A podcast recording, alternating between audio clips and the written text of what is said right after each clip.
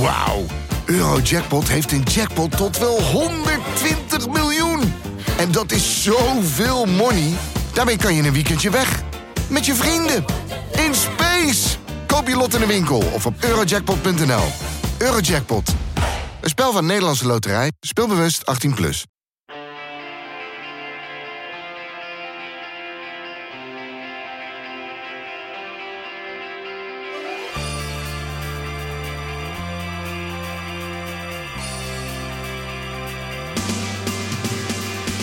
Welkom bij Poki, een podcast over kunstmatige intelligentie. Waarin wij, Wietse Hagen en ik, Alexander Klupping, je bijpraten over de wonderenwereld van AI. Het is history in the making op dit moment. Dat is de conclusie die Wietse aan het eind van deze aflevering trekt. Nadat hij een vriend te woord heeft moeten staan aan de telefoon, die softwareprogrammeur is. En bij wie opeens de knop is omgegaan en constateert kan ik deze baan nog wel langer doen? Want ik heb met ChatGPT gesproken en dit ding kan dingen waarvan ik niet van tevoren dacht dat ik het kon. Heb ik straks nog wel werk? En er is reden genoeg om jezelf dit soort vragen te stellen, want er is veel ontwikkeling, ook deze week weer. Google introduceerde Google Gemini Ultra, Google's grootste taalmodel, een concurrent voor GPT-4 en scoort in de benchmarks ongeveer even goed. Google is dus on par, we gaan het daar dadelijk over hebben. Verder lazen we een paper in Science, waarbij een AI is getraind door de ogen van een mensenbaby, om te kijken of een AI hetzelfde kan leren als een baby. En als het dan nog niet gek genoeg was, gaan we het ook hebben over een zelfrijdende auto die in San Francisco in de fik is gegaan, omdat het een robot, een AI, op wielen is. En de mensen daar niet altijd even blij mee zijn. Goed, veel plezier! Wat me opvalt, is dat die... Ik, kan, kan ik sowieso beginnen? Wat me opvalt, dat lijkt me Nou, uitstekende openingswoorden. Wat mij opviel in het nieuws, ehm, nee, is dat Gemini is nu, of BART, B-A-R-D van Google. Laten we het vergeten. Ik heb het, ik heb het nooit gevoeld als, eh als Bart brand. is dood, hè? Bart is Ja. dood sinds Ja. deze week. En nu hebben we wat we kenden als Gemini al als taalmodel is ook de brand geworden van het hele product. Dus wat ChatGPT heet bij OpenAI heet nu Gemini bij Google. En wat me opviel is dat die interface van Gemini, eh, die is heel erg een soort van Googleified ChatGPT interface. Dus oké, ik ben gewoon gefascineerd dat eh, we hebben ooit hadden we GPT van OpenAI text completion. Zaten we mee te spelen in labs. En toen dachten we al, wow, dit is best wel cool. En als je toen al een beetje slim deed, kon je daar al kracht uithalen. Toen hebben ze er een chat interface gemaakt. En ook het model getraind als chatmodel. Het was niet alleen maar een interface. En toen gingen we er ineens mee chatten. En toen viel het kwartje bij ons allemaal, zeg ik dan maar even. Ja. Toen was, was dat was een bombshell. Wat eigenlijk een UI was en een iets anders getraind model. Maar dat interface daarvoor heeft altijd gevoeld als een weekend hackathon interface. Daarmee bedoel ik, je hebt gewoon een chatje aan de rechterkant en aan de linkerkant een minuutje. In donkergrijs is waarschijnlijk een standaard template die je ergens kan downloaden. Maar dat, dat indelingje is, Google heeft het nu helemaal nagemaakt met Gemini. Met, met iets rondere hoekjes en het fontje wat Google het liefst overal gebruikt. Ja, dit was waarschijnlijk de opdracht vanuit het management van Google. Maak ChatGPT na. Daarna kijken we wel weer even. Ja, maar het is grappig, want eh, ook Perplexity, waar jij het wel eens vaker over hebt gehad, inmiddels zijn zij veel verder geïtereerd. Ze zijn OpenAI voorbij. Ja. Maar ook daar begon het als een interface wat overduidelijk het ChatGPT interface is. Ja, En nou, ik vind het grappig dat, ik snap het ergens wel, want ja, eh, als iemand dan iets anders probeert, dan wil je eigenlijk misschien gewoon hetzelfde krijgen als je gewend bent en even kijken hoe het daar dan werkt. Maar ik vind het ook ja, bijna een, ehm, je zou zeggen dat er bij Google wel wat mensen zitten die, die na zouden kunnen denken over iets meer dan een, dan een laffe kopie van de interface van eh, OpenAI. maar goed, je gaat nu de interface in. Maar heb je het geprobeerd? Ja, heel kort. En? Dat is ook echt grappig. Nou, niet, zo, niet echt eh, onder de indruk, maar wel. Kijk, ik dacht wel van oké, want het nieuws is dus nu eigenlijk dat Bart is Gemini en eh, Gemini komt in drie smaken. Als kwam in drie smaken, namelijk Nano, die inmiddels weet ik niet meer, en dan Ultra. En nu is het Advanced geworden. Ultra. Dat hele Google. Ultra woord is weg. Het is echt een verhaal. is echt Maar goed, je moet, ongelooflijk. het komt erop neer dat OpenAI heeft twee smaakjes voor de eind-eindgebruiker. Oftewel, als je niet betaalt krijg je GPT 3,5 en als je wel betaalt 4. En bij Google is het dan Gemini, ben ik vergeten, of Gemini Advanced. Misschien is het wel gewoon Gemini, niks. En dan Gemini Advanced. Nou, dat Advanced ding is, daar wachten we al, we al een tijdje op. Dat zou uitkomen begin dit jaar. Nou, dat is dus nu gebeurd. Dat is eigenlijk wat GPT-4 zou moeten kunnen vervangen binnen, de Google, het, binnen het Google-ecosysteem. En dat doet het op bepaalde vlakken, maar op bepaalde vlakken ook niet. Dus Wiets, laten we hier toch even bij stilstaan. Google heeft een on-par taalmodel als GPT-4 uitgebracht. ja, en, en jij doet daar nu een beetje een soort van, ja jeetje, het verrast niet. Maar het scoort even goed als GPT-4. Hiermee is Google on par met ChatGPT. En dat zal niet lang duren, maar dit is toch wel even een momentje. Nou, het is, we hebben het natuurlijk vorige keer ook gehad over alle testjes die gedaan worden en benchmarks. Daarop gaat het score, scoort het goed. In mijn eigen 10 minuutjes testen, dat is dan even wat ik, ik werk eh, veel momenten op de dag met ChatGPT, omdat ik programmeer samen met ChatGPT. Ja, Dat is mijn mentor. Mijn maatje. ja. En ehm, ik ging heel eventjes Gemini Advanced gebruiken als mijn programmeermaatje. Toen dacht ik, nope. En toen, dan kan ik, dat voel je dan heel snel. Dus ik denk dat er mensen zullen zijn met use cases die nu al beter werken op Gemini Advanced. En mensen zoals ik die dingen doen die nog niet zo goed werken als wat eh, OpenAI kan. Maar Wat ik begrijp, en het is natuurlijk nog niet zo heel lang uit als we dit opnemen, maar wat ik begrijp is dat het inderdaad slechter is in programmeren dan ChatGPT 4. Dat het beter is in shit uitleggen, explainers. En dat het eh, goed is in het eh, browsen van het internet. En eh, het bij, bij het antwoord trekken van bijvoorbeeld relevante plaatjes. Dus als, er een, als jij een, vraag stelt waar een diagram meer context biedt, dan is Gemini erg goed in dat erbij geven. Beter dan ChatGPT 4. Eh, J- dan eh, GPT 4. Ja, en ik denk wat natuurlijk de grote vraag is. En dat weten we met een maand of zes, denk ik, of zo. Met een jaar kunnen we dat misschien echt zeggen. Is, is Google nu met ho- hoestend en proestend, met een hoop zweet en een hoop eh, extra Red Bulletjes naast OpenAI komen rennen in die race. En storten ze straks neer, want we hebben zoveel moeten geven. Dat kan Ja. helemaal niet. nu zijn ze Of- moe. Of is het eigenlijk andersom? Was OpenAI al aan het hoesten en proesten? Ja. En rent Google straks gewoon heel relaxed door. Ja. En was het inderdaad een inhaalslag en gaan ze er nu gewoon voorbij? Daar ben ik wel echt heel erg nieuwsgierig naar. Want ik kan het niet zo goed voorspellen, moet ik zeggen. Het OpenAI verbaast me met dat ze nu iedere keer toch weer vooruit lopen. En dan kan je zeggen, ja, maar zij waren toch de eerste. Ja, dat zegt gewoon niet zo erg veel. Sterker nog, er zijn genoeg boeken over marktdynamieken die zeggen... je moet niet de eerste zijn, want dan ga je als eerste door de jungle met je zwaard. Moet jij alles doorsnijden en uiteindelijk lig jij op de grond... lopen ze over je rug heen, door jouw pad over je heen. En dus je, het is niet altijd de beste om de early mover te zijn. Dus bij techniek en grote systemen eh, werken gewoon anders. Dat zie je ook met so- social media. Daar heb je zo'n enorm, voor mij is het het Lindy-effect of zo. Dat het is effect dat als je eenmaal in een netwerk zit, kom je er eigenlijk gewoon niet meer uit bijna. Dat is Hmm. heel veel waard. Hmm. Daarom zijn de Facebooks en de Twitters gewoon niet, de X's niet verslagen nog. Mhm. Dus ik ben heel benieuwd of dat, wat, of hier in, dat, in die nieuwe AI-wereld ook effecten zijn die wij niet, eh, nog niet kennen. Ja. Het voelt voor mij dat ik denk, ik moet het nog maar zien met OpenAI. Wat, wat maakt ze nou echt uniek, behalve dan dat ze zo, zo'n goed team hebben zitten, waardevol, maar die kan je wegkopen, en dat ze vroeg waren. Ja, ik weet niet. Heel veel centjes. En eh, inderdaad, een extreem goed team. En eh, alle aandacht van de hele wereld. En eh, minder, minder reguleringsdrang van overheden.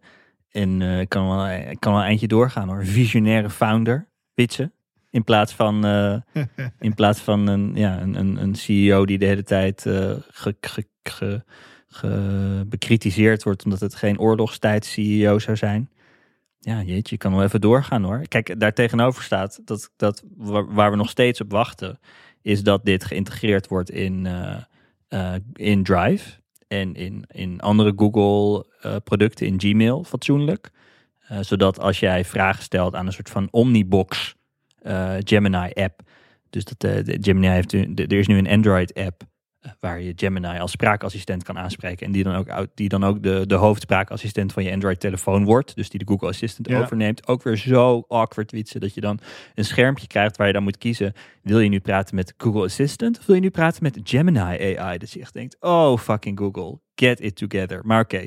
Eh, Dat zijn twee teams intern. En niemand heeft nog gewonnen. Nee, en dan moet je even een, een modelboxje maken waarin de gebruiker eh, gaat kiezen welke van de twee. En je kan ook niet alles met Gemini doen. Dus voor sommige dingen moet je dan weer de Google Assistant gebruiken. Het is echt. ah. hoe dan ook. Dit zal allemaal tijdelijk zijn totdat we zijn op het moment dat dit allemaal fatsoenlijk met elkaar geïntegreerd is. En dan eh, heb je een Omnibox waar je eindelijk eh, vragen aan kan gaan stellen als. Eh, nou ja, het, het cliché is vaak voorbij gekomen, maar wat is de code van de Airbnb lockerbox?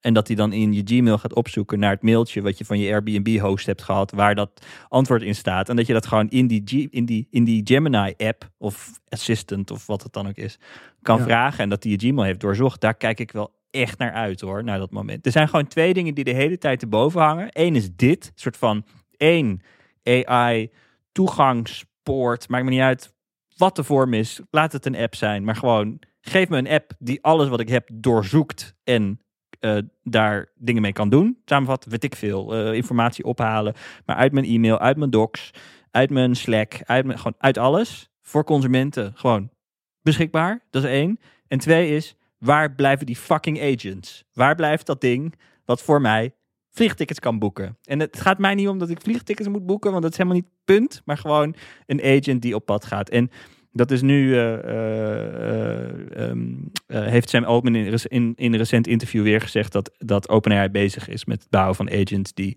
voor jou het web opgaan om eh, dingen voor jou uit te voeren. Dit hangt boven de markt, weet je wel. En dit, we weten dat Google hiermee bezig is, want die hebben dit ook al publiekelijk gezegd. En Microsoft eh, heeft ook bent- publiekelijk het gezegd. Dus dit, gaat am- dit is de volgende race, zeg maar. Wie gaat Je de Arc browser gebruiker, toch? Klopt. Want die hadden nu met, dat is Arc 2 volgens mij, best wel een video erbij en zo van een launch van we gaan voor jou browsen. Ja, zij Weet gaan dit doen. beschrijft? Zij ja, gaan ah, het was een, het een video van wat ze, wat ze gaan doen. Want voor de luisteraar die de video niet heeft gezien, het is eigenlijk wat Alexander eerder met Perplexity al beschreef. En dat je ziet het er een beetje naartoe bewegen nu. Dat dat interfaceje waar ik het begin van, van deze aflevering over had. Van dat, dat soort van grijze chat interfaceje wat mensen die ChatGPT een keer geprobeerd hebben kennen. Nou, en ehm, waar nu Gemini zo op- erg op lijkt. Bij Perplexity eh, gaat dat al verder en zie je al een soort V2 daarvan. Dat houdt in dat als jij zoekt op een recept, dan toont hij dat op een handige manier voor het lezen van een recept. Dus je krijgt niet alleen maar tekst, plaatjes erbij, maar ook, hmm, dit is een recept, die moet je op een andere manier weergeven dan een eh, stappenplan om een sportoefening te doen. Nee, klopt. En- Dit doet Arc, dus de, de, een browser die gemaakt is door een onafhankelijke start-up die je Chrome of je Safari of wat je dan ook je browser is vervangt. Zij hebben een mobiele app gemaakt voor iOS alleen die webpagina's voor jou kan genereren. Dat, die is uit, die kun je proberen. Ga dat proberen, want dat is fantastisch. Je kan vragen stellen aan. eh, het is een soort van perplexity, maar dan gratis. En veel mooier vormgegeven. En het werkt heel erg goed als je eh, eh, Ja. Wikipedia-achtige antwoorden wil op een vraag die je hebt. In, in die situatie werkt het goed. En zij zijn bezig met een webbrowser voor desktop in eerste instantie. Die een agent is. Dus die voor jou kan browsen en ook dingen kan doen voor jou. Dus de vraag is, ik, ik denk iedereen, ga, iedereen gaat agents proberen te maken. Google, Apple, Microsoft. De hele, hele zooi gaat proberen agents te maken. En, en Arc is dan een browser die als onafhankelijke partij ook gaat proberen dit te doen. Maar ik weet je, wij hebben het hier al zo lang over. En ik zit de hele tijd te denken, waar blijft het Ja, nou? wat even van Waarom de duurt dit van zo lang? wat Arc dan dus belooft is van ik wil een, ik wil eh, een boek een boek kopen Ja. en dan zie je die browser echt gewoon gaan browsen voor Ja. jou. Ja. En die gaat dan naar Amazon en die klikt op dat boek en die klikt ook op afrekenen en die voert je adres in. Eh, ja, alsof je een eh, persoon hebt in huis eh, die je kan vragen om voor jou te browsen. Ja. Dat is wat Arc in ieder geval belooft. En daar gaat het nu een beetje naartoe. En dat zou voor Google een logische zijn. Want Google is en een zoekmachine, en een browser, en een operating system, en een mobiel operating system, en een hardwaremaker. Ja. En ze hebben AI. Dus volgens mij liggen hun kaarten er. Ja, maar wat ik nu zit te denken tijdens ons gesprek is. Kijk, niet alles is iets waar je gewoon geld tegenaan kan gooien. Gelukkig maar. Anders zou de wereld er ook anders uitzien. Dan zouden echt, echt alleen maar de mensen met geld alles kunnen fixen. En dat kan toch niet. In ieder geval niet binnen eh, bedrijvigheid en zeker niet binnen de tech. Want ehm, we hebben Google Video als voorbeeld. De tegenhanger van YouTube is mislukt. Google had geld, Google had engineering talent, Google had een knopje video in google.com en nog moesten ze YouTube kopen. Ja. Ehm, Google Circles Plus. Ik weet niet eens hoe het heet, maar hun En Facebook. Plus, ja. Ja, Google Plus. Daar zaten cirkels in volgens mij. Maar goed, dan ja, klopt. eh, hun antwoord op Facebook mislukt. Eh, wat hadden we nog meer? Een tegenhanger, Knol of zo, als tegenhanger van Wikipedia. Ik ben het allemaal ergens, ik wil het eigenlijk niet meer weten, dit allemaal. Maar Google heeft dus echt, echt hel- helikopters vol diamanten gegooid op deze project. En het is gewoon niet gelukt. En daar ben ik blij mee, want hè, dat betekent dus dat het niet genoeg is. Je moet meer hebben. Maar we hebben ook Google Chrome. De poging van Google om een eigen browser te bouwen. Nou, dat is wel gelukt. We hebben Android, de poging van Google om een mobiel operating system te bouwen, is ook wel gelukt. Gmail, de poging van Google om Hotmail weg te blazen, is gelukt. Dus laten we, we kunnen lachen wat we doen om Google, maar soms lukt het. Mhm. En ik denk dat onze grote vraag nu is: is dit Gemini-ding nou Gmail of Google Plus? Ik weet het niet. We gaan het zien. Over een jaar denk ik dat we het wel ongeveer weten. Want bij Google Plus voelden we het al heel gauw. weet ik nog. Eigenlijk al meteen. Maar goed. Ja, voor mij, maakt, voor mij is het echt het verschil tussen is het een aparte app ehm, en waar je, waar je wat dezelfde functionaliteit als ChatGPT of, of eh, is het geïntegreerd met andere Google services? Want dat is het moment dat het begint te leven voor mij. En ik denk ook voor de meeste mensen. Want nu, ze hebben het nu in Google One gevouwen. Dat is hun eh, ja, betaalde tier waar je dus extra schijfruimte in je Google Foto's, extra schijfruimte in Ja. je Gmail. Het is het ding wat je neemt als een service van Google die je veel gebruikt, zegt je schijfruimte is op. Dat is het moment dat mensen Google One nemen. En het is gewoon een bundel van allerlei Google producten waar zij nu advanced hebben ingedouwd. Ook weer 20 dollar per maand. Ook weer allerlei eh, add-ons erin, zoals, eh, zoals, ehm, zoals de anderen dat ook proberen. Gewoon niet alleen maar het taalmodel van ChatGPT, maar ook allerlei storage space. En weet ik veel allemaal. Notion probeert dit, Dropbox probeert dit. Ehm, en de vraag is, eh, mens, ik denk dus dat mensen, dat, ik denk dat je schijfruimte, extra schijfruimte gaat nemen bij Google omdat die vol is. Maar ik denk niet dat je AI gaat nemen omdat het er gewoon is. Je moet ergens een limitatie tegenkomen die je kan over, hoe zeg je dat, waar je overheen kan springen door een bepaalde service te nemen. En dat gaat, dat gaan we voelen, denk ik, in, in de Google producten die we iedere dag gebruiken. Zodra En ik dat, denk dat. En ik, ik zit te denken dat uiteindelijk je. Wat ik, hoe het voor mij meetbaar zou zijn. Kijk, in mijn eigen leven is het hoe vaak per dag open ik nog ChatGPT of ga ik ineens naar, de, naar Gemini. Want als Mhm. dat ding sneller, beter eh, kan programmeren, dan Mhm. ik ben niet loyaal. ja, Gewoon niet. Ik wil gewoon snel gaan en dat het goed is. En als het mij ook nog beter dingen kan uitleggen, dan ben ik gewoon om. Doei, OpenAI. ja. Maakt me niks uit. Klik ik aan de ene kant cancel en aan de andere kant klik ik op subscribe. Zo hard is het op, op met subscription services. Ja. Ehm, maar dat ben ik dan met mijn, met mijn redelijk specifieke use case. Eh, ik zit wel te denken dat de gemiddelde, bestaat nooit een gemiddelde mens, maar die nu OpenAI opent, dagelijks of wekelijks, hè, de app op hun telefoon. En ze betalen niet, maar ze hebben wel die app en daar doen ze soms vragen aan stellen. Ik heb de cijfers niet, maar als ik OpenAI hoor, gebeurt dit heel veel en hebben ze ontzettend veel daily users. Mhm. Kijk, als die mensen die app niet meer gaan openen en gewoon met de assistant gaan praten om dezelfde vragen te stellen, dat, zou mijn, dat is de meetbaarheid voor mij of het gelukt is bij Google. Of, of het Gemini-project inderdaad eh, aanslaat. Want als zij op een eh, Google I.O. gaan zeggen dat ze zoveel queries doen, ja, het zal allemaal wel. Ik wil weten, gaan mensen inderdaad niet meer OpenAI de website of de app openen? Want het hoeft niet meer. Ja. En dan komt daar Apple dan met hun Siri Plus slash Siri Super Siri dan nog een beetje achteraan ge, Ja, ge- ja kijk even dat, dat Apple, jezus. Ja, ik zag dus eh, Sam, Altman in een interview zeggen dat hij een WhatsApp-groep heeft met een aantal founders eh, in eh, Silicon Valley. En dat ze een weddenschap hebben lopen in die WhatsApp-groep met de vraag: welk jaar zal het eerste bedrijf er zijn met tien mensen of minder personeel, wat meer dan een miljard waard is? En dit is dan een, een lopende weddenschap die ze hebben. En de, de, de, de gedachte erachter, of de, de, de implicatie van die vraag is: wanneer is er, wanneer zijn AI-agents goed genoeg dat je, ze, dat je een soort van een marketing agent hebt, die, of weet ik, misschien veel specifieker, een AdWords, soort van conversie marketing agent hebt en een eh, brand marketing logo generator, of weet ik veel andere mm, brand meuk genererende agent.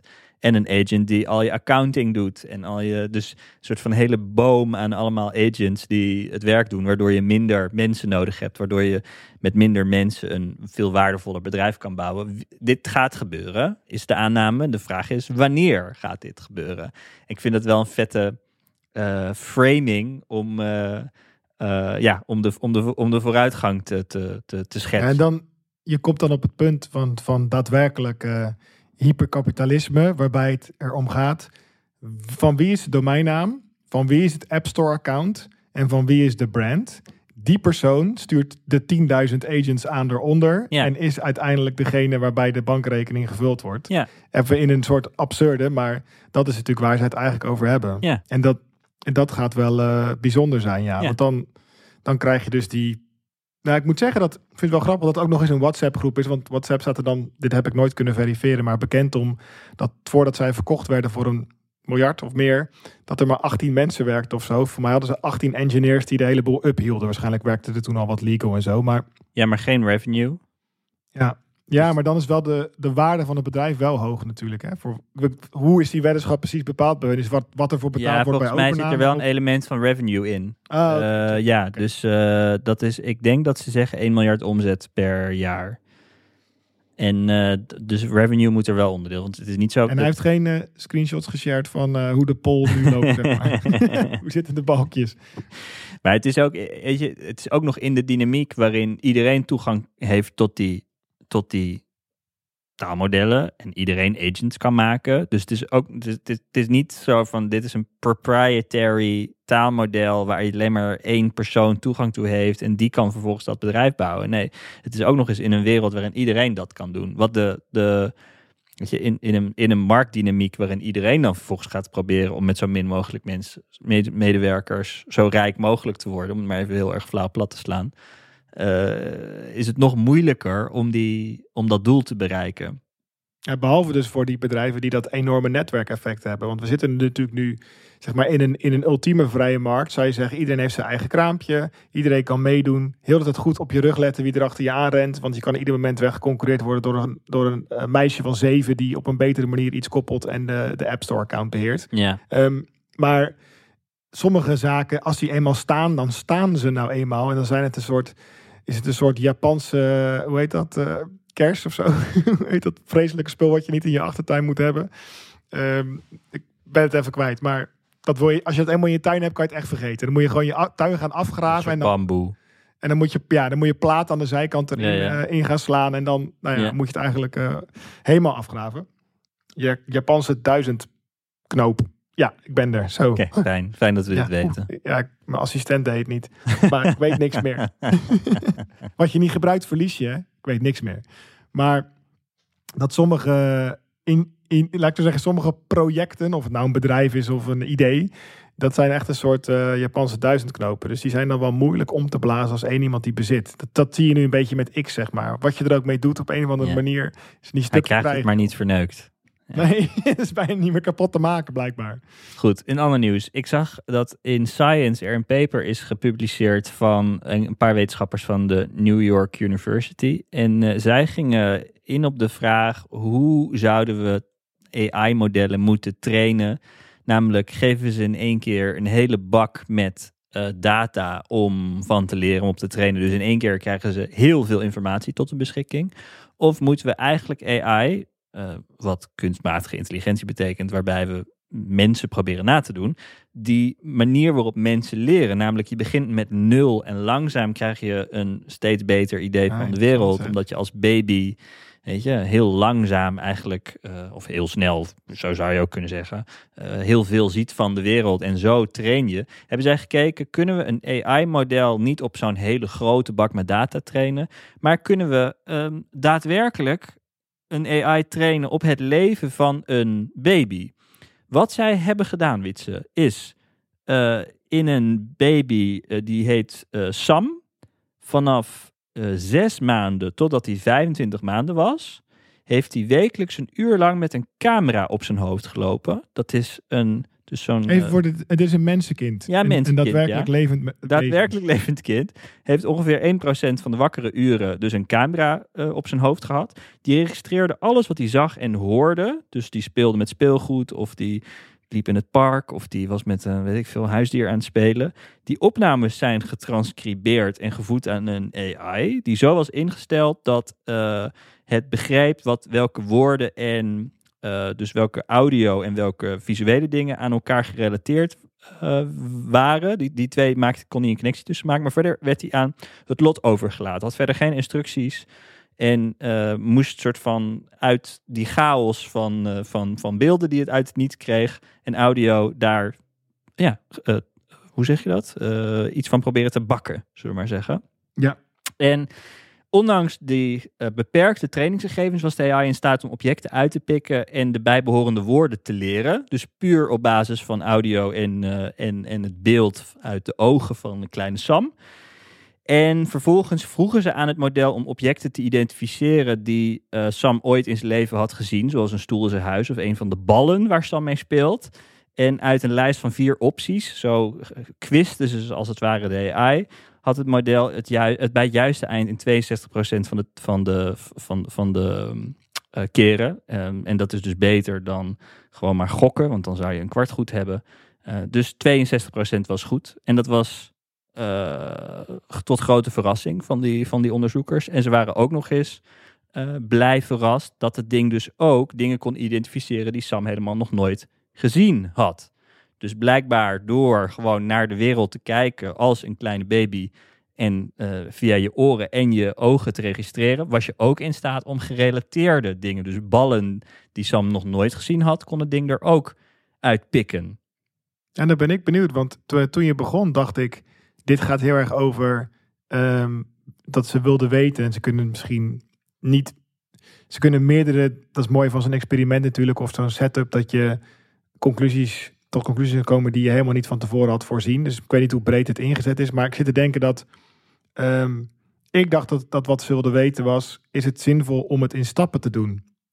Dus dat je niet, zoals in de Matrix zegt, joh, geef mij het eh, programma voor een helikopter en het staat erop. Maar dat je beter in iteratief kunt leren, het soort stacken. Ja, Eh, en dat is natuurlijk wat je kunt, maar wat ik nu eigenlijk hoor is meer dan de embodiment. Dus het idee, eh, daar zijn hele, heel veld van. Van je moet, als jij een robot wil leren of een AI wil leren voetballen, dan moet je die, moet je die dingen tonen van, van de camera, een GoPro van een voetballer in een veld. mhm. En niet bijvoorbeeld een camera van bovenaf. Want je wil eigenlijk dat je de, wereld ziet door de ogen van een voetballer. Mhm. Dus dan ben je eigenlijk embodied in dit geval in een. Dus, maar ging het nu om het stapelen van soort van iteratief rustig opstarten leren. En of het daadwerkelijk leren vanuit het perspectief van hoe een kind of bijvoorbeeld een voetballer leert. Goeie vraag. Ik denk dat, eh, de, dat weet ik niet. Ik denk dat ze eh, aan het proberen zijn om te kijken of er andere methoden zijn om een AI te Ja. leren, anders dan gewoon een enorme dataset op ze te storten. En ik weet ook niet of dit nou een eh, helemaal geslaagd experiment was, want aan het eind van de, van de rit was Sam nog steeds slimmer. Na die 25 maanden was Sam nog steeds minder, als in zijn woordenschat was groter. Eh, een taalvaardigheid was beter eh, dan de AI aan het einde van de rit. Dus eh, ik, ik neem aan dat ze proberen om te kijken of er andere methoden zijn om AI te laten leren, waardoor de, de, de, de resultaten be- beter worden. Ja, want er zit voor mij een soort ook weer een andere fascinatie in dat ik denk evolutie en wij zijn allebei een resultaat van het evolutionair proces. In ieder geval in wat ik persoonlijk als subjectief wereldbeeld ervaar. Ehm, mag je je eigen invulling aangeven in je Mhm. leven gelukkig. Dan evolutie heeft niet per se de beste oplossingen gekozen. Ik bedoel, je hebt nog een blinde darm, een soort stukje staart. Het is allemaal niet heel best, maar het is nog steeds fantastisch dat we hier zitten. eh, desondanks. Eh, maar dat betekent niet dat wij het meest efficiënte zijn. eh, of dat er niet dingen anders ontworpen hadden kunnen worden. Bij wijze van. Het gevaarlijk woord in evolutie. Maar, ehm, maar het is ook al vaker gebleken dat wij, de mensheid, met het soort hubris, arrogantie dachten. Ja, eh, natuurlijk, als je het optimale leersysteem zou maken, zou dat nooit iteratief leren. Dat doen wij alleen maar omdat dat brein gewoon anders niet, kan je niet geboren worden. Je moet later pas groot worden, zeg maar. Dus wij moeten wel klein beginnen en groot eindigen, zeg maar. Ja, Qua grootte van lijf, maar ook qua grootte van brein. Want het brein ontwikkelt natuurlijk in, eh, van iets naar heel veel. Van niets naar iets. En Maar het kan, dan is het al heel vaak gebleken van nee, eigenlijk heeft dat bijvoorbeeld iteratief leren of klein beginnen en Het groot juist eindigen. zin. Ja, dat moet je juist doen. Dus Ja. en dit, dit vind ik, dat heb ik bij mezelf ook al een aantal keer gemerkt. Dat ik over gewoon mijn eigen domme ideeën had over dingen. En dacht, oh, dat zal wel, hè, als ik het kan engineeren en ontwerpen, dan, dan sla je die drie stappen over. Want dat doet echt alleen maar biologie zo Ja, dom. ja, ja, ja. En dan blijkt dat ineens allemaal voordelen te hebben. Eh, dus ik, daarom vind ik dit echt een interessant onderzoek. Ik was bij een eh, ouderavond op een basisschool. En eh, toen ging het over mediagebruik door kinderen. Dat was heel breed. Het ging over allerlei sociale media. Maar het ging ook even over AI. En toen was daar een onderzoeker en die zei eh, dat hij denkt dat het, dat het pas verstandig is om ChatGPT in het leven van kinderen te introduceren als ze een jaar of elf zijn. Eh twaalf, bijna naar de middelbare school gaan. Omdat het niet verstandig is om een kind eerst eh, soort van te laten wennen aan, aan iets wat zoveel kan genereren, zoveel plaatje kan genereren, zoveel tekst kan genereren. Als je niet daarvoor de stappen hebt gezet, boekjes lezen, zelf eh, woorden schrijven, zinnen beginnen te schrijven, eh, een soort van begrijpen dat er coherentie moet zitten tussen, tussen eh, paragrafen, nou ja, gewoon de hele, de hele rit van het schrijven naar het schrijven van een werkstuk of een artikel. Ik weet niet wat, wat precies je, capaciteit moet zijn als je net naar de middelbare school gaat. Maar dat het dus verstandig is om kinderen te onthouden van die, van die, eh, van die kunst, eh, van het goed, van- ja, van het, het, het- ik weet niet of het nou prompt in ieder geval eh, hel- hen helpen inzien dat dit allemaal automatisch kan, eh, lange stukjes tekst te schrijven. Toen dacht ik ook voor het eerst, toen, dat, was wel een moment dat ik me voor het eerst realiseerde, oh ja, dit is helemaal niet per se verstandig om te beginnen met, eh, met ChatGPT. Ook al heb ik heel erg die neiging als ouder om, om dat nieuwste dan te laten zien. Want dit is, dit is wat er allemaal ja, kan. ik denk, het is echt grappig, want dit doet me erg denken. De discussies, vorige aflevering had ik het over, je laat een kind geen kilo suiker opeten op een verjaardag. Of in ieder geval, als je dat ziet gebeuren, dan zou je die zak suiker, puur suiker, gewoon even pakken. Van joh, hè, ja, Je hoeft niet eens nemen een banaan, maar kom op, nou een Ja. kilo suiker te gaan zitten Ja. eten. Dat, dat ik intuïtief denk dat veel ouders en misschien mensen die niet eens kinderen hebben denken, nou doe maar niet joh, dat is een beetje gek. Ja. Of een blikje Red Bull bij een baby, moet je hem gewoon niet doen joh, dat is een beetje gek. Nou, dat, dat, die intuïtie is er volgens mij wel bij veel van ons. En, maar als ik dus eenmaal dat ga proberen toe te passen op het digitale media consumptie ding, dan ontstaan er allerlei hele, soms best wel pittige discussies om mij heen. Maar nu je dit zo vertelt, denk ik, hoe zit het eigenlijk met de kijkwijzer? Om maar even een, eh, iets erin te gooien. Want we hebben natuurlijk, ik, die heet volgens mij de kijkwijzer toch? Ja, Waar je ja. alle leeftijden hebt, 12 plus, 16 plus, misschien zelfs 18 plus, weet ik niet. ja klopt. Ehm, omdat we op een bepaalde manier hebben bedacht, als het om volgens mij dan films en series, of is dat videobreed? Of is het alleen maar films en series? Weet ik niet zo goed. Iets wat op tv kan komen of op YouTube, denk ik dan. Daar kan een, daar kan een kijkwijzer aangehangen worden. Ergens in het TikTok, YouTube tijdperk zijn we dat kwijtgeraakt, denk ik. Want ik heb nog nooit een 12 plus logootje, wat ze zo mooi hebben. Ze hebben natuurlijk van die stickertjes gemaakt met logootjes. Heb ja, ik nog nooit niet per YouTube-video staat er zo'n ding bij. Nee. Nee, wat inmiddels met AI vrij makkelijk zou kunnen, denk ik. Dus als zij zeggen er zijn te veel YouTube-video's, Mm. onzin. Want volgens mij kan je gewoon een model trainen en zeggen: dit zijn 3000 dingen die 12 plus zijn. Plak hem er nu maar standaard op. Mhm. Maar die, maar die kijkwijzer, ik merk dus in discussies dat, dat die kijkwijzer die brengt wat die maakt wat los bij mensen. Maar daar heb je dus die, dat spectrum in van ouders die ik dan om me heen ontmoet. Waarbij je hebt, joh, laat het maar zien, dan zien ze het ergens anders. Zoiets, dan ben ik er tenminste bij of zo. Mm. Dan kan ik nog duiding geven. Fair Mm. enough. Of ouders die echt zeggen, "Mm-mm, ik zet echt eh, een filter net op mijn internet. Ik ben erbij, computer staat beneden. Of iPads zijn altijd beneden, niet mee naar boven. Dat soort dingen. En ik denk dus dat het ChatGPT verhaal... en wanneer laat je een kind praten met een bot... in welke vorm dan ook. hè, Ja, ja. binnen Chat, Snapchat, waar we het eerder over hebben gehad. Vind ik wel een boeiende, want... Op zich is het niet iets nieuws voor ons om te zeggen, nou, sommige dingen misschien even nog niet. Daar hebben we allerlei dingen voor, zoals een kijkwijzer. Maar TikTok is gewoon hartstikke ik- verboden hè, onder de 13. Dat is gewoon bij wet verboden. ChatGPT Nee, in TikTok. Nederland. Oh, TikTok is... Ja, en, en oh, zo heeft. YouTube ook een leeftijdsgrens eh, ja, ingebouwd. mij ook. Ja, ik denk, volgens mij zijn dit soort, dat- want dat is namelijk verwerking van data en dat mag gewoon niet Ja, eh, door bedrijven. Onder, voor kinderen onder de 13. Oh ja, ChatGPT ook, zie ik nu, inderdaad. Ja, dat is dan binnen de Amerikaanse context, maar ik kan me dan voorstellen dat dat redelijk vertaalt naar Europese Unie. Ehm, maar goed, daarna, ja, dat sluit dus ook wel redelijk aan op die persoon die er dan bij was, eh, die avond waar jij het over hebt, die zei 11 dan. Maar dat komt dan een beetje, eigenlijk volg gewoon met min 2 ongeveer wat de wet is dan, toch? Nee, hij ging, hij ging voornamelijk uit van welk, welke type ehm, computergebruik is oké voor welke leeftijd. En hoeveel schermtijd is oké voor welke leeftijd. En dus je, je kan dingen juridisch benaderen, dat kan. En waarschijnlijk is dat juridisch ook wel gebaseerd op onderzoek. Maar je kan ook gewoon kijken wat is goed voor het kind. Eh, dat is misschien nog een andere dimensie. En die is misschien ook iets pre- preciezer. Ehm, en eh, ja, ik, ik had er gewoon niet eerder over nagedacht. Dat je zoiets kan doen als een leeftijdslimiet opleggen voor het gebruik van, eh, ja, in dit geval ChatGPT. En dat is dan met name gericht op het doen van huiswerk. Ehm, en en, en die, die spraakassistenten die in Snapchat zitten, is weer een heel ander verhaal natuurlijk. Een soort van, wanneer vind je dat oké? dat je kind gaat praten met... Ja, of misschien nog concreter die Camigo, waar we het heel lang geleden een keer over hebben gehad. Dat is de op ChatGPT gebaseerde AI-assistent binnen Khan Academy om via software te leren. Die is helemaal bedacht ook voor een kind. Dus je hebt bijvoorbeeld een batterij. Ja. Dus je mag niet te veel vragen, anders gaat de batterij leeg. Vind ik al Ja. een hele leuke. Hè? Dus Ja. moet je een beetje goed opletten wanneer je die Camigo dan inschakelt. Maar ik ben dus benieuwd of je daar dan, als we daar dan van zeggen, nee, maar als het Camigo is gewoon ChatGPT op de achtergrond met een system prompt en een batterijtje, Mhm. iets meer. Dat mag dat dan ineens wel of zo. ik denk het wel. Ja. Maar alleen omdat er een andere system prompt Ja. is. Natuurlijk. Het maakt toch, het maakt toch fundamenteel andere ervaring dan schrijf voor mij een Maar dan is het voor jou toch een kwestie van, eh, mocht je dat beslissen van, ik, ja, ik, ik, ik voel wel iets voor dat idee om ChatGPT niet zomaar aan mijn kinderen te geven. Ja. Ik wil eerst even een system prompt zelf schrijven. Dat komt Ja, ongeveer op hetzelfde neer Ja, natuurlijk. ja, maar zo. Is, zo is leven. Een groot system prompt.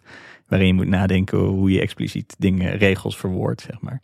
Oké, eh, ik zag nog een ander ding. Dat was namelijk dat er eh, in San Francisco, eh, volgens mij een paar avonden geleden, er een zelfrijdende auto in de fik werd gezet door mensen in Chinatown. En ik dacht, dit doet vast iets met Wietse. Ja, nou, ik, Zolang ik jou ken, ben jij al bang dat, dat het volk in opstand komt tegen de, de, de verspreiders van, van, de, de, de, van de innovatie. Want dat zijn nou, namelijk de de vra- mensen en de vraag is of ik er niet bij ga staan. Oké. Dat, Ja, zit- ja. Dat, dat is ook nog een Als, jij, als jij ter plaatse was geweest bij deze zelfrijdende Nee, nee, nee, nee. robotaxi, dan had je hem ook Dat een kopje kleiner gemaakt. Nee, ik voel binnen mezelf dat ik, ik... Ja, ik moet altijd een beetje in de gaten houden van wanneer... ehm, ben, je het, ben je het eens met de meute, zeg maar. En eh, ik weet dat niet zo goed. Dat gaat op intuïtie, denk ik. Maar eh ouds in de fik zeker lijkt me sowieso niet een heel verstandig idee. Maar ik weet dus niet zo goed...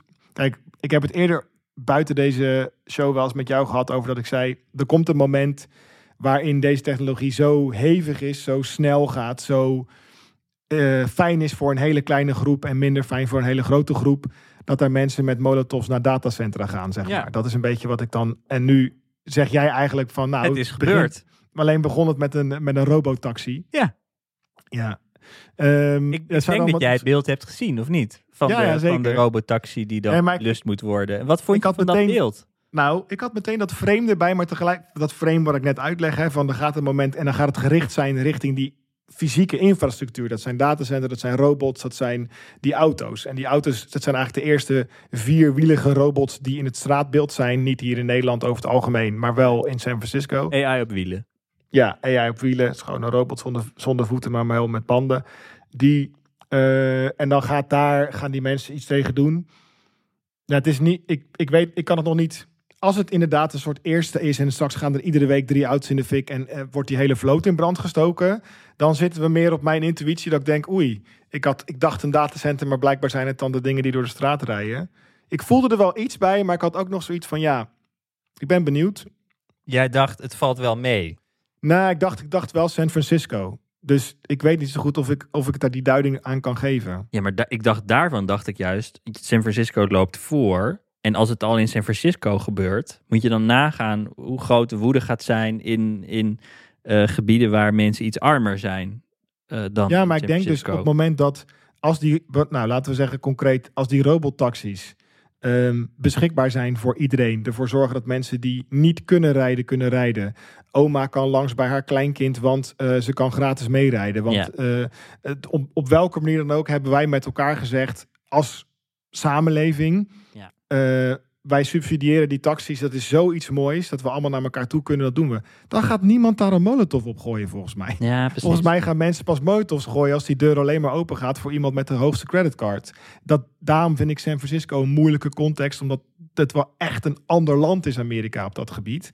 Ehm, dus ik, ik kan niet zo goed duiden waar zijn mensen nu precies boos om. Is het er zou sowieso nooit een auto rond moeten rijden zonder mensen erin. En, en dat, want dat is inherent, whatever. Ook al is die gratis. Ook al krijg je geld als je erin stapt, daar moet een molotov op. Dan ben je echt bezig dat je zegt, er moet, er moet geen vervanging komen voor de mensheid. Ik ben tegen alle vormen van kunstmatige intelligentie. Maar als jij zegt, nee, die ding is alleen maar voor de elite en daarom ben ik boos, dan heb je toch een andere motivatie.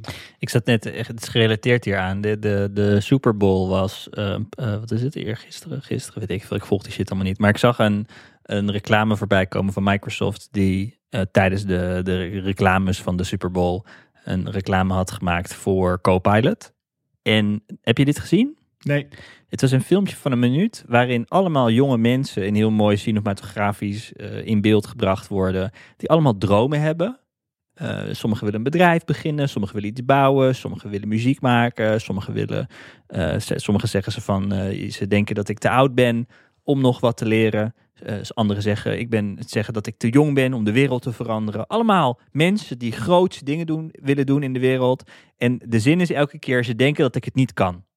En dan vervolgens is de payoff Microsoft Copilot. We, wij, wij helpen je deze dingen mogelijk te maken. Het is een beetje in lijn in wat jij net zegt over die, die robotaxis. Als ze het verkopen als iets kapitalistisch dan, uh, en voor de rijken, dan kan er een molotov cocktail op. Terwijl als het is om iedereen te helpen en, je, en jouw dromen waar te maken, la la la, dan, uh, dan is het misschien iets wat meer maar ik denk- als van ons. En ik opeens denk ik, hm, misschien dat hier wel, eh, Mhm. weet je, we- de- al, allebei voelt als dat het een meme zou kunnen worden. En de vraag is welke gaat, eh, Ja, welke gaat de meeste aandacht krijgen?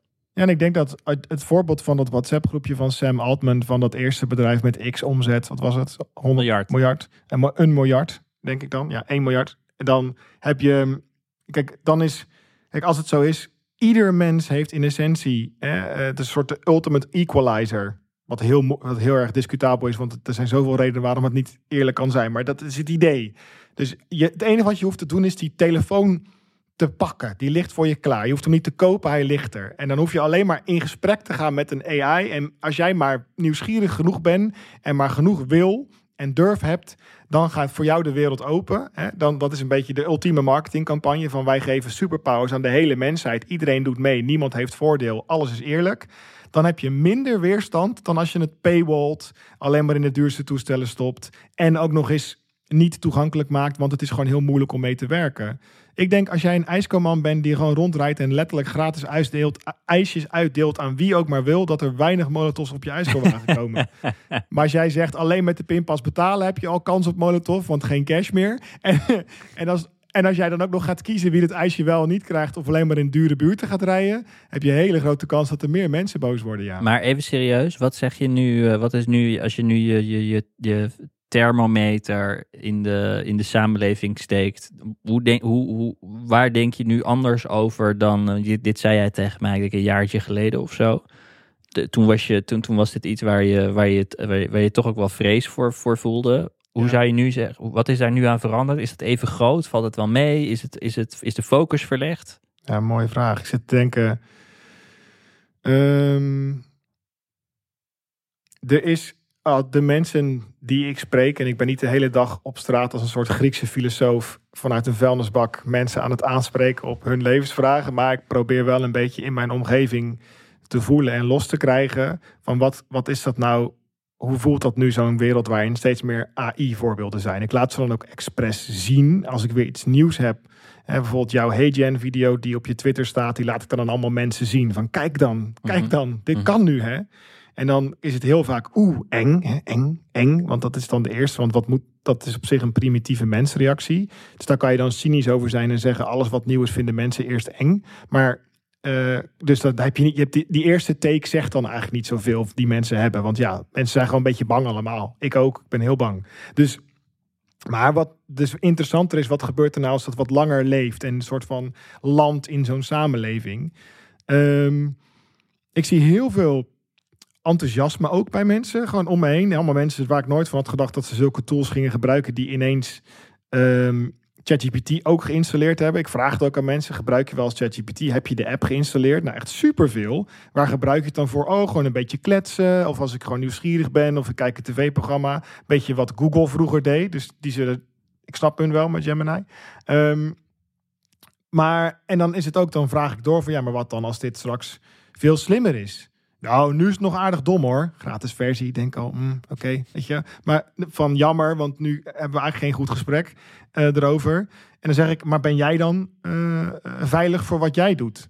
Ja, maar wat ik weet is een expert ding. Of ik bedoel heel veel fysiek en dat kan nog niet. Hè. Ik ben veilig in mijn fysieke, want er is nog geen robot. Ehm, dan merk ik, ik heb mijn, mijn mening is nu, wat ik zie, dat ik denk, oké, ik maak me nog steeds zorgen. De reden dat het nog niet zo ehm, breed, dat er nog niet een soort breed verspreid onrust rondom dit onderwerp is. Of in ieder geval grotere verbazing, wat positiever. Is wat ik dan denk dat toch heel veel mensen het niet helemaal doorhebben nog. Ja. Wat er kan nu, wat er in de maak is. En het momentum. De, die snelheid is gewoon voor jou en mij amper bij te houden. We zitten inmiddels op de AI dailies in plaats van weeklies qua nieuws. Dus het is echt niet normaal. Wij gaan niet dagelijks opnemen trouwens, geen zorgen. Maar dan moet ik het weg kunnen geven aan een AI companion. Dan maybe. maar in die week Door de week luister je naar AI wietsen. En in het, op zondag is hij er. het zou leuk Maar ik zal- zijn. Zeker. Ik zal proberen mijn antwoord wat minder, wat meer concreet te krijgen. Kijk. Eh, Heel beknopte wietsen is door de week. Nee, dat zou lukt- het zijn. Lukt niet, man. Nee, ik hink een beetje op twee voeten. Kijk, soms, soms dan zie ik weer iets, weet je wel. En dan, of dan, dan ben ik weer aan het lezen over zo'n eh, Verify Step by Step. Hè. De, een van de papers van OpenAI die heel erg gaan over... je kan wel goed worden in wiskunde als je een AI vraagt om het per stap uit te leggen. En dan per stap kan je rating geven. En dan op een gegeven moment wordt dat ding toch wel slimmer in logica. En eigenlijk waar nu die taalmodellen door de mand vallen... daar zijn gewoon mogelijkheden om dat te verbeteren. Ja. En empirisch, dus bewezen, verbeteren. Dit weten we nu. Dat is niet meer, gaat het lukken? Dat lukt. Dus eigenlijk de... Wat mensen nu zeggen over hij, kan, hij, hij hallucineert Ja, zoveel. Of, ja, eh, sorry man. ja. Dat, kan, dat kan gewoon opgelost worden. Er ligt Ja. niks in de weg. Ja. Wat, wat er in de weg ligt, eh, is eh, gewoon tijd om het te integreren. Er zijn er niet genoeg GPU's. En als er GPU's zijn, is er niet genoeg energie. Gewoon letterlijk. Er is niet genoeg energie. Dus eh, dan denk ik, dan heeft het vooral te maken met eh, niet meer kan het, maar wanneer komt het dan? En wanneer komt het in een vorm dat mensen het ook kunnen toepassen in hun eigen leven en ineens, nou, wacht, ik maak het even concreet. We- anderhalve week geleden, een vriend van mij zei tegen mij, yo, kan ik even bellen? Ik zei, nou, geen probleem. Eh, wij gaan bellen en hij zegt, het, het, het is gewoon bij me geland. Ik heb gewoon een soort existentiële crisis nu. Dit is echt heftig, want ik merk gewoon wat, wat ik dacht dat mij speciaal maakte, is niet zo speciaal. Op het gebied van kennis, kunde, expertkennis op een bepaald domein. Want de hele dag interacteren met ChatGPT, dat ding wordt alleen maar beter. Ik, ik word er beter in om met dat ding te praten. Daardoor besef ik me eigenlijk dat het aan mij lag dat het niet zo slim was. Want ik moet gewoon slimmer leren praten ermee. Maar goed, dat, en toen zei ik ook van, ja jeetje, waar, mooi in welke jou bellen. Dat dat, dat is dan, jij bent dan de hulplijn bij existentiële Nou, problemen. omdat ik, nou, omdat dat heeft ook mee te maken dat ik in een soort eenzaam, is niet waar, ik ben niet per se. Nou, ik ben op dat gebied wel een beetje eenzaam dat ik, eh, ik denk echt, jongens, jongens, waarom hebben we het hier niet allemaal de hele tijd over? Ja. En ik, ik bedoel, daarom kan ik ook met jou zonder moeite deze podcast maken, want ja, ik ben hier echt heel veel mee bezig. Niet alleen omdat het coole technologie is en ik een gadget nerd ben. Nee man, dit is echt, dit is het verhaal van onze tijd. Dit is het gewoon. Dan kan je zeggen, ja, een bioloog zegt dat biologie alles is.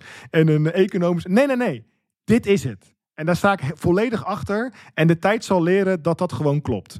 Dit is zo ongelooflijk de geschiedenis, history in the making. Dus dat ik hier met jou zit, wordt alleen maar logischer. En alleen maar meer mensen gaan denken, nou, misschien hebben die gasten, ook al is het allemaal ongein, wel een onderwerp waar inderdaad meer aandacht naartoe mag. En eh, mijn zorg is niet per se afgenomen, die ik een jaar geleden ook al had. Ik vind het wel interessant om te zien dat ehm, ja, bij mij er blijkbaar een soort van als dit dan dat plaatsvindt in mijn hoofd. Dus ik zie, ik zie HeyGen een voorbeeld van jouw video. En ik extrapoleer dan van die video en denk, nou, daar gaat, daar gaat het hele medialandschap. Ik zie het gewoon zo, pom, pom, pom, pom, met duizenden domino's omgaan naar iets nieuws. Dat is niet op zich, niet erg, disruptie. Ehm, maar dat is dan op een bepaalde manier voor mij al zo. Terwijl dat moet dan nog wel gaan gebeuren. Kon je hem geruststellen? Ehm, nou, we hadden het erover van waarschijnlijk zit je in het. Want dit, dit gesprek heb ik op een andere manier al vaker met vrienden gehad. Ehm, meer filosoof, filosofisch als in eh, wat als. Dus hypothetisch moet ik, dat is het juiste woord. Dit was een gesprek waar het niet meer hypothetisch was, want hij voelt nu gewoon: oké, dit is gaande. Oké. En dat ik zei: ik heb zelf het idee dat het dat, dat inderdaad het fysieke domein, eh, dus buiten het virtuele, wat ik, dat, dat, dat, dat trommeltje wat ik al een tijdje sla, voelt veiliger. Hè? Dus als jij werk hebt. In de eh, bouw. Ja, en waar je ook een hand moet geven en met mensen moet communiceren en echt een soort moet ruiken misschien wel. Hè? En een Mhm. soort intuïtie. Dat kan zijn dat je het weer kan ruiken of eh, dat je denkt er is een lekkage tijdens de bouw, want ik ruik nat beton. Ja. Ik even heel naïef van mij. Ik ben zo'n binnenzittende jongen. Ik heb geen idee. Maar goed, ehm, dan zit je echt nog wel even goed, want er is in dat fysiek is gewoon duur, moeilijk. Het En wat helemaal doet, niet deze, waard. wat doet deze jongen dan ongeveer? Ik snap wel dat je niet... eh, Software. ja, precies. En die denkt, Nee, tuurlijk. Mijn bubbel. Nee, maar ik, ik bedoel, ik vind dit heel, dat is heel wezenlijk. Dus dit is dan iemand die, die programmeert en die denkt opeens, holy shit. Ja, En, en, echt holy shit. en, en kun je dan, zeg maar, wat was het moment dat dat triggerde dan? Ehm, nou, het was, het was een heel specifiek, eh, complex eh, probleem. Echt dus binnen, want je kunt, ik roep nu altijd, ik ben niet echt een programmeur. Ik ben een scriptkeer dat houdt gewoon in. Ik hang dingen aan elkaar en als het werkt, werkt het. All good. Je hebt mensen die daadwerkelijk computerwetenschap hebben gestudeerd en op een heel ander niveau bezig zijn met programmeren. Er zijn Mhm. allemaal levels in. Ik eh, zet mezelf niet zo hoog daar. De, de meeste sceptici van deze taalmodellen, dat zijn legit programmeurs die terecht zeggen: jongens, dit is gewoon een predictiemodel. Dit is echt wel een soort van papegaaitje die woordjes probeert te gokken. En als ik gewoon even een van mijn favoriete problemen erin gooi, waar ik zelf al jaren mee struggle, dan pleurt het meteen uit elkaar. Haha, het is echt zo'n gacha, doen die mensen het liefst. Ik denk ook, omdat ze en zelf heel technisch onderlegd zijn, dus denken, eh, zo, zo, zo vlot zal het niet gaan. En, mijn mening, zelf ook zoiets hebben, wacht eens even, je gaat mij nog niet vertellen dat het ding zo slim is als dat ik ben. Ik zit hier al 20, 30 jaar voor te Ja, leren. je bedoelt, ze willen het niet geloven. En, en, daarom, dat denk ik. en ze gaan het dan met die gekleurde bril gaan ze dan testen. En dan, dan Ja. valt het allemaal mee. Ja, en wat er dan nu eh, gebeurt, want ze hebben grotendeels gelijk. Als je echt domeinkennis hebt en je gaat echt de diepte in, of je wil over jouw totale softwareproject praten. Dat kan een project zijn waar 30 mensen aan werken. Dat past niet in die prompt. Leuk als jij Ja. een stukje code hebt. Maar dat stukje code hangt in een hele context. En als die context niet meekomt, dan snapt die, dan snapt die eh, chatbot dat gewoon niet. Dat is ook zo. Maar als je dan dus soms een probleem hebt wat wel past, maar ook heel domeinspecifiek is. En waar je eigenlijk normaal een expert voor zou inschakelen. En daar komen in één keer antwoorden op. En dan kan je ook nog zeggen, joh, ik snap. Ik heb je getest wat jij hebt gezegd als oplossing. Dat werkt inderdaad. Maar ik wil eigenlijk ook weten waarom het werkt. En die uitleg is ook nog eens goed. Dan wordt het spannend. Want dan, dan, dan eh, gaat het kwartje vallen van, maar wacht even. Als het niet alleen maar de standaard scriptjes zijn, de standaard dingetjes die iedereen zoekt. Maar juist over een heel specifieke technologie, waar misschien 1200 experts van op aarde zijn op dit moment.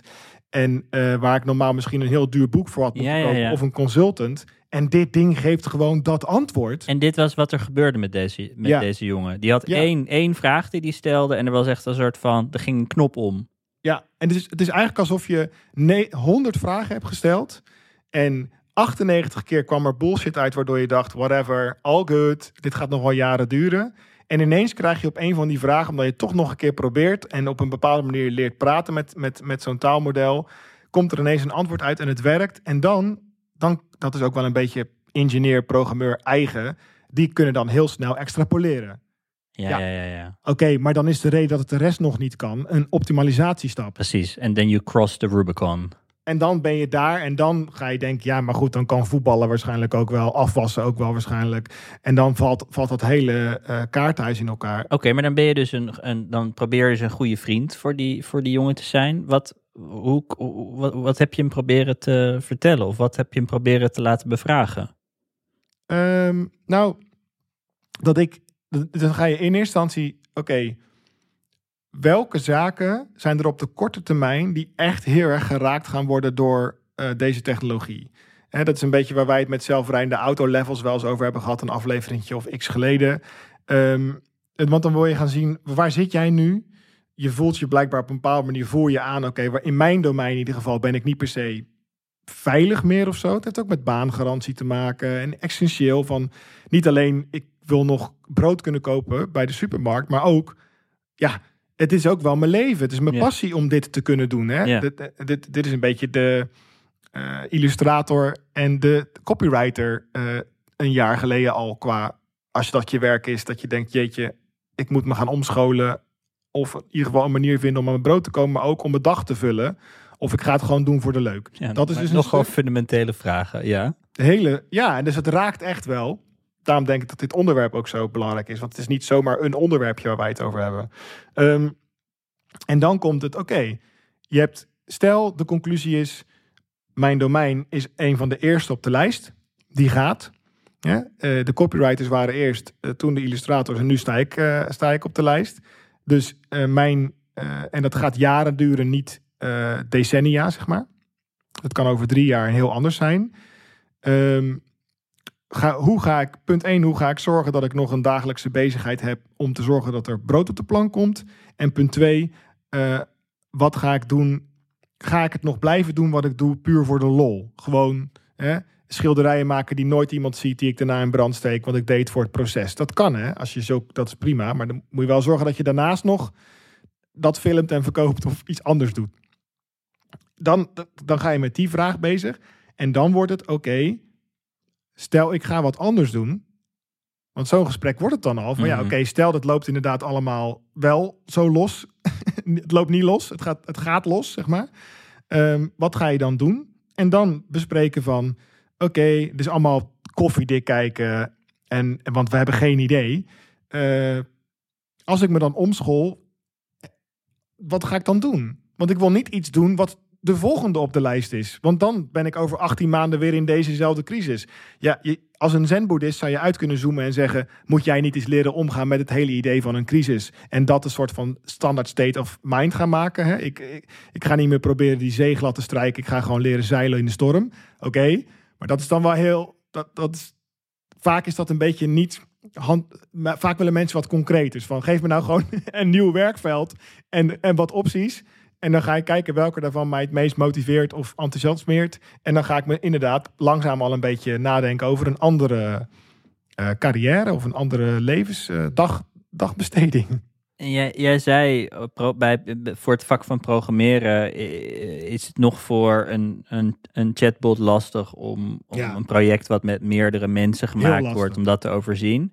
Maar hoe kan dat eigenlijk? Want eh, als mensen hun, hun code pushen via eh, eh, opslaan in GitHub, dan is het toch een totaal overzicht van wat iedereen bijdraagt en wat de hele codebase, codebase is. En dan kun je toch, weet je, eh, ref- dan, dan, dan, dan kent hij toch de hele codebase en niet alleen maar wat je plakt in ChatGPT. Dan, Ja, maar dat, wat je nu beschrijft is echt het limiet van de context window, zoals Ja, binnen oké. taalmodellen. Ja. ja, ja. Dus- Die is nog steeds te klein om Veel hele... te klein. Ja, oké. want je moet, je moet je echt voorstellen dat je dus letterlijk de hele codebase moet meeplakken in je Ja. prompt. Ja, Hè, want eh, ik weet helemaal niet wat de huidige staat van, eh, van, de, van de techniek is. Wat het, wat het grootste ehm, context window is wat je op dit moment kan meegeven. Ook omdat eh, ChatGPT nu 128.000? meent bij Turbo volgens mij. Oké. Maar ook omdat ChatGPT nu meent dat je eh, in één chat eindeloze hoeveelheid niet. geheugen kan meenemen. Nou, dat, of dat, dat kan niet, zeg ik nu zo heel zelfverzekerd. Maar dan, er is een grote kans dat er andere technieken bestaan die ik niet ken. Maar eh, bijvoorbeeld het, oude, het, het bouwen van je eigen GPT, hè? In die GPT-store, waar we het wel eens over hebben gehad. Ehm, ik dacht, want eh, zoveel inhoudelijke kennis heb ik niet van de wetenschap achter taalmodellen. Ik lees ook maar gewoon een beetje mee en ben heel verbaasd over wat ik allemaal leer. Ehm, Zo'n, zo'n GPT kan je documenten bij uploaden. We hebben het vorige keer gezegd, dat jij, jij uploadt al jouw dagboeken en e-mail. En dan maak je een virtuele Alexander. En ik kan dan betalen om met jou te praten, om advies te krijgen over het starten van Over een mediabedrijf. Ja. Mhm. En ehm, uiteindelijk zitten daar dan, dan, dan dacht ik, oh, dan is dat, dan kan je een aantal dingen doen. Je kan het model gaan trainen, fine-tunen, zoals met Geitje. Eh, zoals eh, toen uitgelegd is door de jongen die eh, bij ons in de aflevering was. Die zegt, ik pak dat corpus van Nederlands cultuur en ik ga een Frans taalmodel, eh, of door Frans, vanuit Frans makelaarij, ga ik fine-tunen op Nederlandse cultuur. Dat is een stap. Dat is niet wat GPT wat GPT's zijn. Dat zou veel te duur zijn. Een GPT gaan fine-tunen op Alexander zijn eh, data. Ehm, gaan ze dan al Alexanders documenten meeplakken in iedere prompt? Ook niet. Nee. Wat doen ze? Die documenten zijn beschikbaar voor het taalmodel om op het moment, precies op tijd, just in time, erbij te halen en te doorzoeken. Om dan te zeggen: Oké, eh Wietse stelt een vraag over eh Blendel. Dan wordt er gewoon een naïeve search gedaan op het woord Blendel en omgevende woorden in al die documenten. Ja, ja, ja. Daar wordt een context van gecreëerd. Die gaat mee in de prompt. En, dan, en dat, hier kom je heel ver mee, hè? Want dan kan hij toch zeggen, nou, Alexander heeft hier een aantal opmerkingen gemaakt. Vlugge samenvatting maken. Maar wezenlijk is het eigenlijk een beetje fake. Want Ja. met mijn naïviteit denk ik, oh, ik dacht dat het een Alexander GPT was. Ja, ja, ja, die gefine-tuned is op Alexander. Dat is niet zo. Nee, Dus nee. Hij leest gewoon maar een klein beetje in de geschiedenis. En dan moet je, moet je er toevallig mee raak geschoten hebben met wat hij heeft uitgezocht.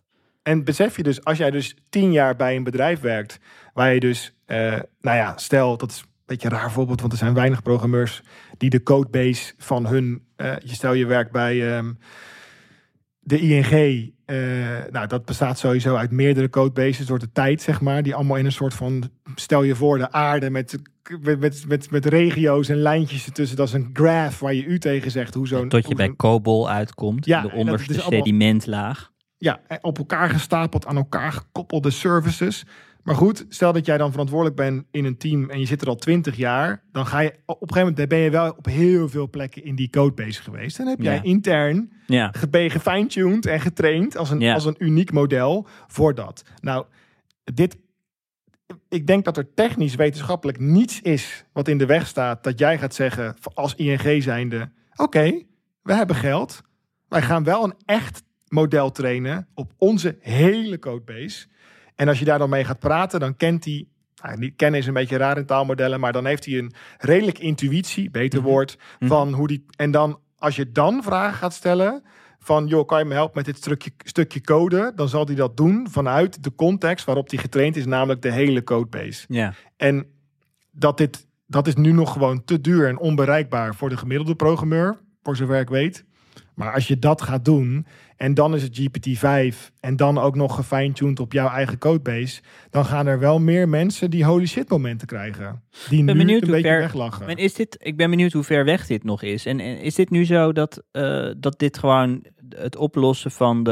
ehm, eh, van die, van die, of het vergroten van dat context window is? Is dat de crux? Of is het gewoon wie heeft er het eerste eh, genoeg geld ingebracht om, een om van een redelijk complex stuk software de hele codebase ehm, in, in het model te nemen?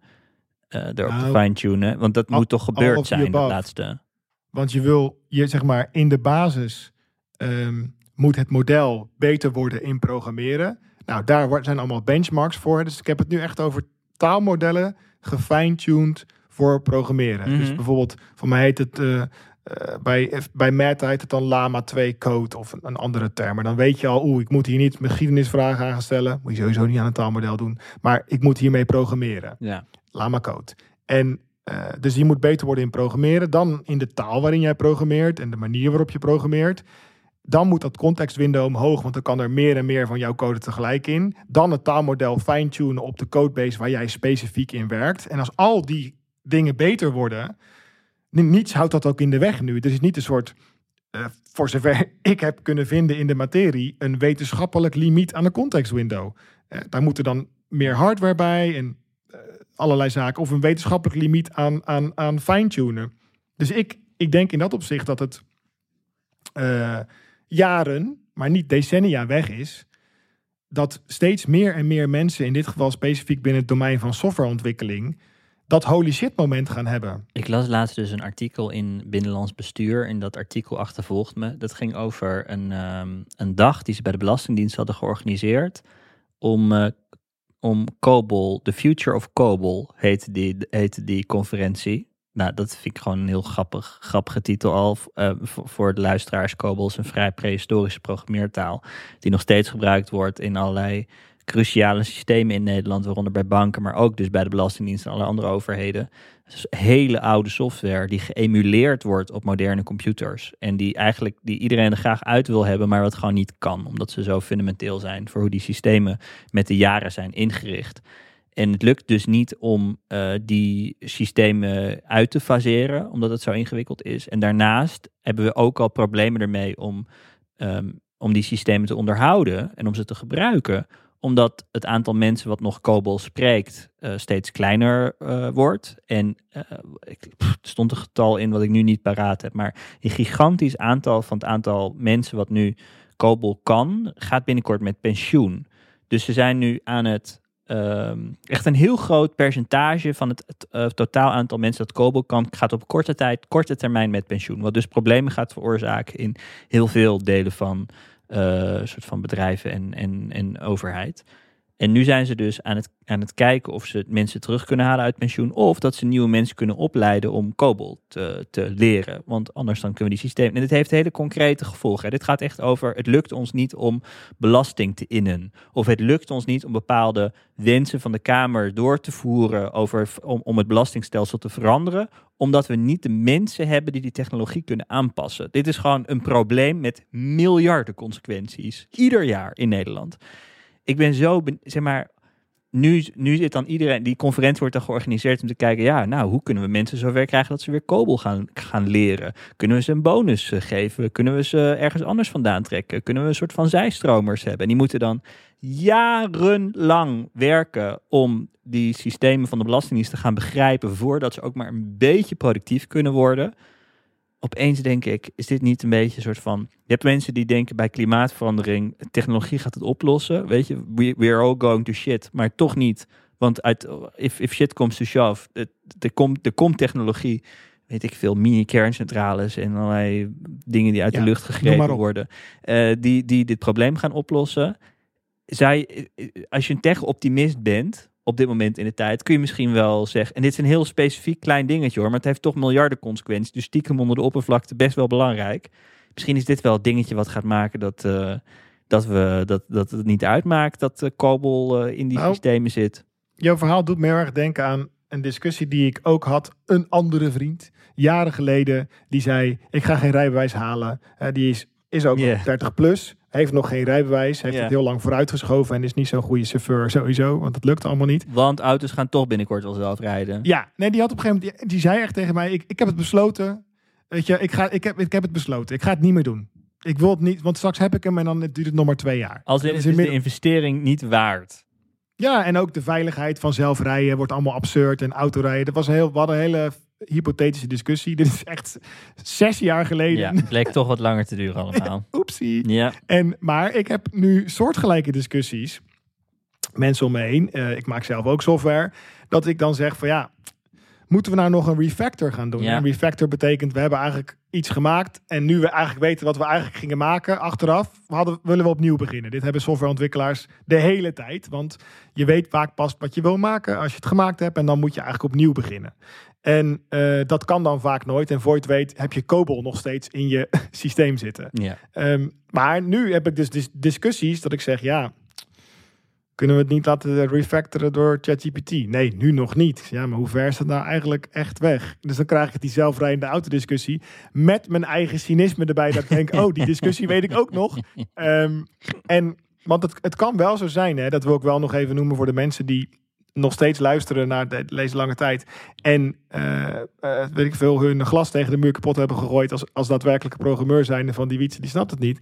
Kijk, het kan wel zo zijn, en dat is, dat is namelijk een aantal keer gebeurd, dus die historie wil ik best meenemen, is AI, kunstmatige intelligentie, dat bestaat al heel lang. Vroeger noemde je het automatisering, maar ik heb het nu echt even over AI als zijnde de wetenschappelijke discipline waar je gewoon, je kun gewoon, kon gewoon KI gaan studeren aan de Universiteit Utrecht al Zeker. heel lang. Zeker. Nou, Ehm, maar op een gegeven moment is dat in een soort winter terechtgekomen. Hè? Net als de, de, de huidige crypto-winter heb je ook die AI-winters. En een winter is eigenlijk als je in allemaal dead ends loopt.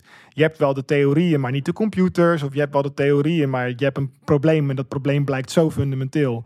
Eh, nou, eh, ik ga nu ik ga geen metafoor doen, maar iets wezenlijks. De blauwe LED. Hele goede video op dit moment op YouTube over blauwe LED's. Ik weet even niet van wie, maar een groot science kanaal.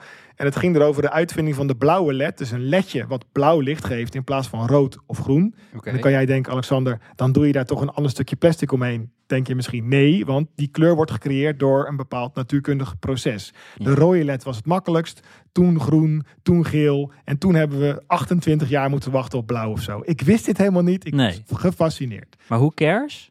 Nou, hoe cares is dat... Oh, hoe cares? Je wil RGB hebben, dan kan je alle kleuren maken. Dat je kan, van ro- rood, groen en blauw alle kleuren ter wereld maken, waaronder wit. Ja. Maar ze hadden blauw niet. Dus tot die tijd waren alle, alle computerledjes, alle radio's en alle auto's was oranje, rood of groen. Nooit blauw. Oké. En eh, zeg maar een, eh, een, o, een, een scherm, gewoon niet, ik moet niet zeggen OLED, maar gewoon een LCD-scherm, zeg maar. Je moet dan drie kleuren maken, Ja. heel klein naast elkaar. En als je dat dan heel snel doet, dan heb je toch alle kleuren van de regenboog met drie, de drie basiskleuren. Dus het was alsof ze de magische elixir konden mengen. Ze, ze misten nog één ingrediënt en dat duurde super lang om dat ingrediënt erbij te krijgen. En alle grote fabrikanten ter wereld die dus LEDs maakten, chasten allemaal die blauwe LED. Aanrader. Waarom haal ik die blauwe LED erbij? Dat duurde echt veel langer dan mensen hadden gedacht. Echt veel langer. Ja. En, dan, en toen was die blauwe letter, boem, sluizen open. Alles kon ineens wat iedereen altijd al wilde. Nou, het kan zeer goed zo zijn. Ik denk nu op de korte termijn niet, want daar hebben wij het al vaak over gehad. Trust me, die Python-code die nu allemaal gebouwd is om al die taalmodellen te draaien, is super inefficiënte troep die aan elkaar gegooid is door wetenschappers om gewoon dingen te bewijzen. En nu het commercieel inzetbaar is, zit iedereen er bovenop om dit efficiënter, sneller, minder energiegebruik, al die zaken te maken. Dus er is nog een enorme headroom, zeg maar. Simpelweg zonder fundamentele wetenschap uit te vinden. om wat we nu hebben, een GPT-5 te maken. zonder nieuwe uitvindingen. Terwijl er eigenlijk ook allemaal nieuwe uitvindingen zijn. Dus ik zie die winter nog wel even uitgesteld worden. Maar het kan zo zijn dat net als bij die blauwe LED. dat we, dat we de mensheid, iedereen die hiermee bezig is. Op een gegeven moment tegen een fundamenteel probleem aan gaat lopen. van de transformer eh, paradigm waarop GPT eh, gebaseerd is. waarop taalmodellen gebaseerd zijn dat het inderdaad niet mogelijk is om die hele codebase in te laden van die ING. Maar pas over 20 jaar. Dat kan. Dus dan is mijn hele, eh, ik maak me zorgen, datacenters, de hele samenleving wordt ontwrichtachtige verhaal. Eh, ineens gewoon ineens nog maar, eh, dan moet, je, moet ik daar ineens 20 jaar op wachten. Net als die zelfrijdende auto. Dat kan. Kunnen we AI toch niet gebruiken om het klimaatprobleem op te lossen? En dan gaan we Nee. alsnog daaraan ten onder in plaats van Ja. de robots. Nou, Ja. eh, hoe je het ook wint of keert, het valt altijd tegen. Dit was Poki. De komende twee weken zijn we er niet, want het is vakantie in verschillende delen van Nederland. En dan zijn wij er weer begin maart. Tot dan. Ja, en gebruik je vakantie dan, zou ik zeggen, om Ja. eens rustig na te denken met vrienden en mensen om je heen. Stel, ik sta wat dichter op dat lijstje dan ik dacht, wat Wietse heel tijd noemt. Wat ga ik dan doen? Een leuke vraag voor de vakantie. Ja, reflecteer gewoon even door op deze aflevering. Dat is leuk. Wij zijn er 5 maart weer. Dag. Doeg!